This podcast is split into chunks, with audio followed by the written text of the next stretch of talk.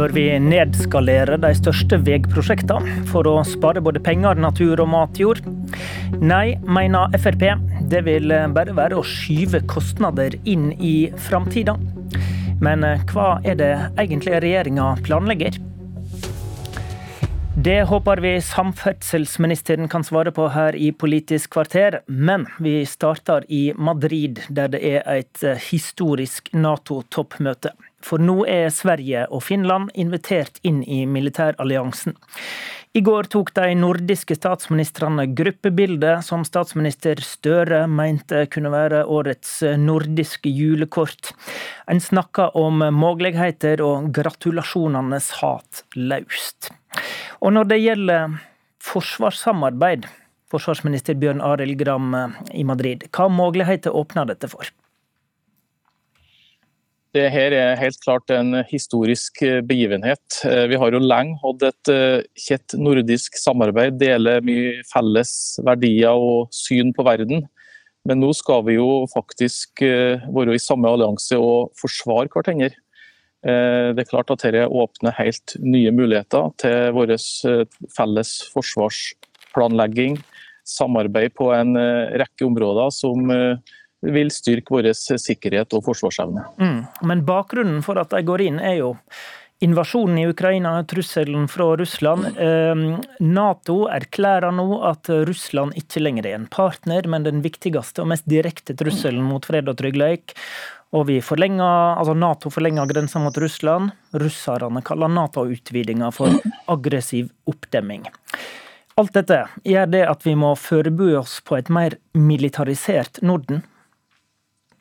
Jeg vil først si at Det er jo et alvorlig bakteppe. Det er jo krig i Europa. Russland har angrepet Ukraina. og Det er jo det direkte bakteppet for at Sverige og Finland nå, nå søker trygghet i Nato-alliansen. Det er ikke noe tvil om at vi har behov for å styrke vår forsvarsevne og beredskap. Det gjør vi i Norge nå. Det gjør fra alle medlemsland, og Nato gjør det som allianse. Det, det, at vi får en ny gren, lengre grense mot Russland kan jo være utfordrende for Nato, men det er også utfordrende for Russland. Sverige og Finland bringer jo tross alt og med seg inn i alliansen viktige forsvarskapasiteter. Men kan det øke risikoen også da, for oss her i landet? Jeg mener at dette styrker vår trygghet, styrker våre muligheter til å forsvare oss kollektivt i en ramme av alliansen med Sverige og Finland med. Så har vi jo sett at Russland over tid har ja, på ulike måter protestert på det som skjer, gitt ja, trua med forskjellig. Men Norden er jo ingen trussel mot noen. Det er jo Putins aggressive handlinger som har gjort at Sverige og Finland nå går inn i Nato. Mm. Kan nordisk samarbeid i Nato åpne for mer spesialisering? F.eks. at Norge styrker marinen, og så lar vi heller våre nordiske naboer ta seg av landforsvar? Jeg tror det er en for enkel analyse. Vi har jo vårt forsvar for å forsvare vårt eget territorium først og fremst. Det trengs en helhet for å kunne gjøre det. Men jeg tror vi i større grad kan se på hvordan vi komplementerer hverandre. Får mer ut av våre samla ressurser, kan se ting i sammenheng på en annen måte når vi planlegger for vårt forsvar. Jeg tror det er mer den type muligheter vi skal gå etter innen en form for spesialisering, som du antyder der. At man kan utfylle hverandre, tror jeg er det rette sporet. Nato-utvidinga kommer i stand etter en forhandling svenskene og finnene måtte gjøre med Tyrkia. Sentralt der sto den tyrkiske uroa for kurdisk terrorisme, og i avtalen ligger krav om utlevering av terrormistenkte, og krav om hvordan våre nordiske naboer skal forholde seg til kurdiske politiske og militære rørsler. Er du, Gram, helt komfortabel med hvordan Erdogans temmelig autoritære regime påvirker politikk i våre demokratiske naboland for å få i stand Nato-utvidinga? Vel, nå er jeg først og fremst glad for at, at det, den saken har nå fått sin løsning. At Sverige, Finland og Tyrkia har blitt enige om veien videre, og at Sverige og Finland nå da er inviterte medlemskandidater. Og så må jo legge til... Så nøye hva han har gått med på? Vel, Norge er jo ikke en part av den avtalen. Vi må legge til grunn at Finland og Sverige, som har jobba med dette i over ganske lang tid, har gjort sine vurderinger og er trygge på de posisjonene man har tatt der. Mm. Men eh, man tar jo stilling til utvidinga, da. Er det, og det er jo rett som du sier at svenske og finske regjeringer har jo gått med på dette, men er det da slik eh, du antyder, at Norge vil støtte dette uansett om en skulle tenke at det ligger en problematisk avtale i bunnen? At Norge støtter jo selvfølgelig eh, svensk og finsk Nato-medlemskap. Det er jo selvstendige land som har gjort sine vurderinger, hatt sine prosesser med Tyrkia og har kommet fram til en løsning som de kan stå for. Og det har selvfølgelig Norges støtte. Vi gir ikke et signal da om at nordiske land er villige til å kompromisse på innenrikspolitiske forhold for å nå andre mål? Som sagt så er altså da ikke Norge en del av denne avtalen. Eh, Sverige og Finland har jo jobba med denne saken over tid og har kommet fram til en løsning som de mener de kan stå for. og Da må vi gi vår støtte til det. Takk for at du var med i Politisk kvarter, forsvarsminister Bjørn Arild Gram. Hør Politisk kvarter som podkast når du vil i appen NRK Radio. Flere politiske prosesser peker nå i retning av slanking av store veiprosjekt. Den siste budsjettavtalen mellom regjeringa og SV sier at en skal nedskalere store veiprosjekt. Departementet har bedt om forslag til hvordan en kan endre det som heter veinormalene, bl.a. for å bygge færre felt for mindre fart. Og Forrige uke kunngjorde samferdselsministeren at neste Nasjonal transportplan blir framskunda, fordi dagens plan ikke er realistisk. Så i enden av eh, disse prosessene, samferdselsminister Jon Ivar Nygård, hva type veiprosjekt vil bli endra, og hvordan? Det er litt tidlig å si. Det vi gjør nå er jo et stykke arbeid med å gå gjennom veiporteføljene våre. og Både Statens vegvesen og Nye Veier har fått et oppdrag for å se hvordan disse nye veinormalene eventuelt spiller inn i de prosjektene som planlegges. Men at det vil kunne få betydning for enkeltprosjekter, det er vel hevet over enhver tvil. Men det er altså litt tidlig å si at det påvirker det ene eller andre prosjektet. Poenget kan det også bety at du dropper, denne regjeringa vil droppe veiprosjekt framover? Det mest sannsynlige er jo at det vil bli utsettelser og forsøksvis arbeid med å få ned kostnaden på prosjektene. og Det tror jeg vi alle er tjent med. Den eh, nasjonale transportplanen vi har, den var urealistisk når den ble lagt fram. Men slik verden ser ut nå, med krig i Ukraina, med press i norsk økonomi, så er den jo i, i mye større grad et, eh, et styringsdokument som ikke har så stor relevans. Så det er økonomien som er hovedgrunnen til eh, dette prosjektet, da, med å, med å nedskalere? Nei, det, Hovedbegrunnelsen for den delen av arbeidet handler om natur, miljø, klima om hvordan vi kan gjenbruke mest mulig vei, om hvordan vi kan spare natur ved å ikke ha så stive linjeføringer på veiene våre gjennom f.eks. andre hastighetsbegrensninger. Det er jo sånn at Vi i Norge har hatt et eh, veldig lavt innslagspunkt for firefeltsveier. Det betyr at vi begynner å bygge firefeltsveier på et tidligere tidspunkt enn mange av våre sammenlignbare land i Europa. Altså der det er lite trafikk, da, for å si det trafikk, så bygger vi firefeltsveier. Så det er jo der vi ønsker å utforske om ikke vi isteden bør bygge to- og trefeltsveier. Og så må jeg selvfølgelig understreke at Det betyr jo ikke at vi ikke skal bygge trafikksikre, gode veier med god kapasitet. Vi må jo selvfølgelig gjøre en vurdering av dette, hvordan dette står seg i framtiden. Så det er ikke sånn at vi nå på en måte tar et skritt tilbake og skal bygge dårligere veier. Det er ikke hensikten. Det er vel litt ulike synspunkt på det, tror jeg. Ketil Solvik-Olsen, du er nestleder i Frp og var samferdselsminister i flere år. Hva er du bekymra for vil skje her? Nei, Jeg, jeg syns dette er et dårlig signal.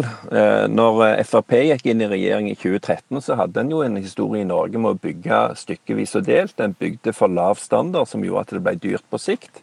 Så vi gikk jo inn nettopp for å bygge raskere, bedre og billigere. Mens det som statsråden nå tar til orde for, er jo egentlig at de skal bygge dårligere, tregere og på sikt dyrere. En sparer seg til fant.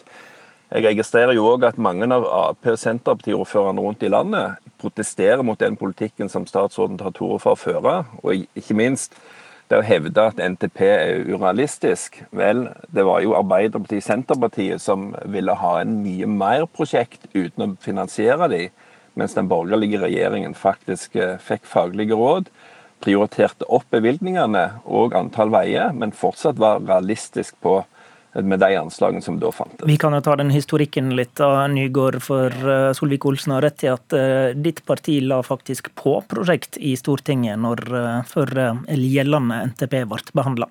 Det er riktig at flere partier, til og med regjeringspartiene, eh, dro av gårde med å øke bevilgningene i stortingsbehandlingen. og Det er jo en utfordring, for i utgangspunktet var den NTP-en laga sånn at den ville ta en betydelig del av handlingsrommet i norsk økonomi framover. Og det var før vi kom ut av pandemi, før vi fikk press i økonomien og før vi fikk krig i Ukraina.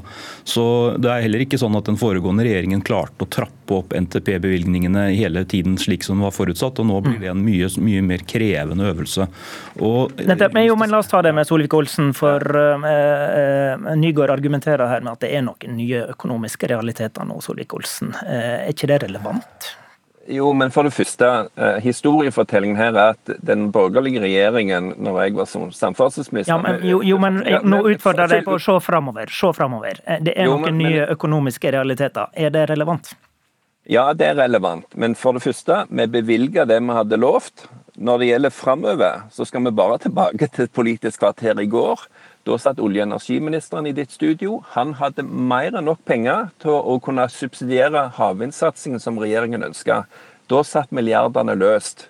Så det er bare et snakk om hva vil du prioritere. Og det er der samferdselsministeren nå begynner å snakke om krig i Ukraina og sånne ting, når det egentlig handler om at han har tapt i prioriteringene internt i regjeringen. Og så skylder han det på eksterne faktorer. Jeg kjøper ikke det argumentet. Nygaard. Dette handler om en ønsker det eller ikke. Det er selvfølgelig ikke riktig. Det er jo sånn at Denne NTP-en er basert på at man skal trappe opp bevilgningene med ca. 1,7-1,8 milliarder hvert år framover. Altså å bygge trappetrinn stein på stein oppover. Og Det skjønner alle, også Solvik-Olsen tror jeg, at det er svært eh, lite realistisk sånn som verden ser ut nå. Det vi snakker om er at vi ser for oss en begrensa vekst i samferdselsbudsjettene framover. Så det er ikke sånn at vi tenker at vi skal ta noe ned. Men da blir det sånn at mange av de prosjektene som er lagt inn med små oppstartsbevilgninger den første seksårsperioden, vil jo bli krevende å gjennomføre som forutsatt. Så Det er det spillet vi står oppe i nå, og det må jo vi gjøre på et skikkelig vis. Og jeg tenker at Det beste vi kan tilby både Stortinget og omgivelsene, næringsliv, alle, er at vi har et eh, dokument, en nasjonal transportplan, som er et relevant styringsdokument, som gir forutsigbarhet og som har troverdighet. Så Det er det vi har tenkt å gå i gang med. Eh, dere, vi legger akkurat det økonomiske handlingsrommet bitte litt til side nå. Så tar vi dette med, med trafikkmengde. For Solvik-Olsen, eh, hvis en vei har det snittallet som blir kalt årsdøgntrafikk på, på rundt 10 000, som er kanskje rundt 500 biler i timen i et døgn. Vi har mange sånne strekninger som er planlagt for firefelt. Hvorfor er det en riktig prioritering? Det viktige er å huske at en del av altså de strekningene som er planlagt som firefelts motorvei, er de strekningene som binder sammen de største byene i landet. Primært Bergen, Stavanger, Kristiansand, Oslo, Trondheim. Og Da er det naturlig at en har en enhetlig strekning, eller en standard på de strekningene, fordi det er mye tungtransport. Det betyr at det er òg mye forbikjøringer. og Derfor er det ønskelig å ha firefelts motorvei. Vi snakket ikke om å ha firefelts motorvei ut til hver minste øy. Mange steder er det mer enn godt nok å ha tofelts veier. Mange steder i Nord-Norge er to felt mer enn nok, men der, når du ser på omgivelsene, kunne likevel vært skilta med 100 km i timen og vært mm. fullstendig trygt. Ny, Nygaard, trygghet på hovedfartsårene, er ikke det et ganske viktig poeng? Det, det er ikke så hyggelig ulykkestall eh, om dagen, det har vi hørt eh, i dag tidlig også? Nei, dessverre så er vi i en situasjon med ganske urovekkende tall. Eh, men vi vil selvfølgelig ikke kompromisse på prinsippet om å bygge trygge veier for eh, trafikantene. Eh, men det som er situasjonen her nå, er at hvis man legger de innslagspunktene til grunn for firefeltsveier som vi har i Norge i dag, så vil man ende opp i situasjoner hvor man lar masse natur gå tapt, og det er helt urealistisk å kunne gjenbruke en del av eksisterende veilegeme. Og det er jo egentlig noe som vi alle burde være interessert interessert i å få til. Både å spare natur og også gjenbruke eksisterende vei i større grad. Og kort til slutt, helt kort... Prøve å få mer ut av pengene og sånn sett få til et mer realistisk bilde på samferdsel framover. Ok, ti sekunder til slutt, Solvik-Olsen. Ja, Vi la jo òg opp til at vi skulle bygge ned mindre natur, men få mer igjen for pengene. Det klarte vi. Det er dagens regjering som nå går fra sine egne løfter når de satt i opposisjon. Takk til eh, Ketil Solvik-Olsen i Frp, og takk til samferdselsminister Jon Ivar Nygård fra Arbeiderpartiet. Programleder i dag var Håvard Grønli.